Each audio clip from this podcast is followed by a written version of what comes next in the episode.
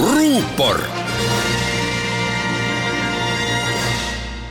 tere, mina olen ajakirjanik Ainar Ruussaar.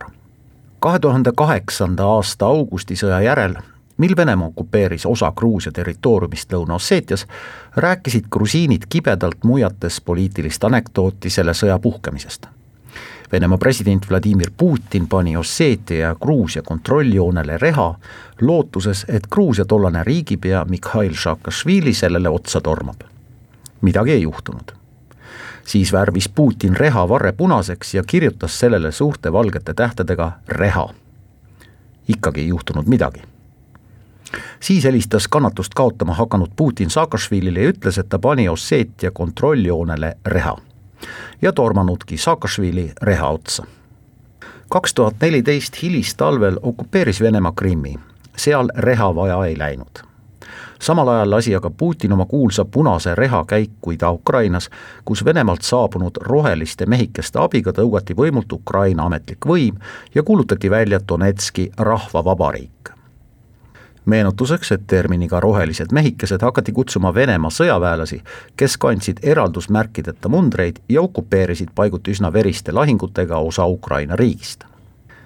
see okupatsioon kestab siiani ja õhkõrnale relvarahule vaatamata on Donetski piirkonnas ainuüksi viimase kuu jooksul surma saanud paarkümmend Ukraina sõdurit väga sarnane olukord pikka aega näilise vaherahu tingimustes viindunud Armeenia ja Aserbaidžaani konfliktile Karabahhis viimased teated Ida-Ukrainast teevad taas rahutuks.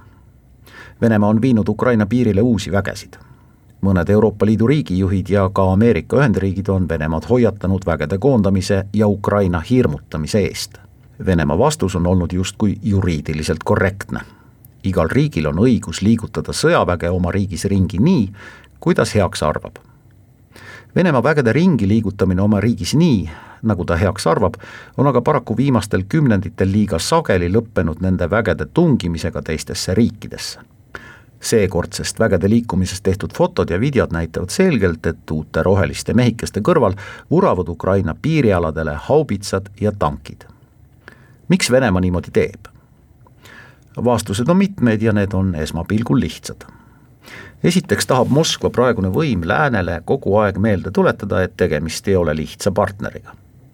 teiseks sobib Venemaa praegune võim näidata, et lääne sanktsioonid ja paigutised näpuvibutused ei ole oma mõju avaldanud.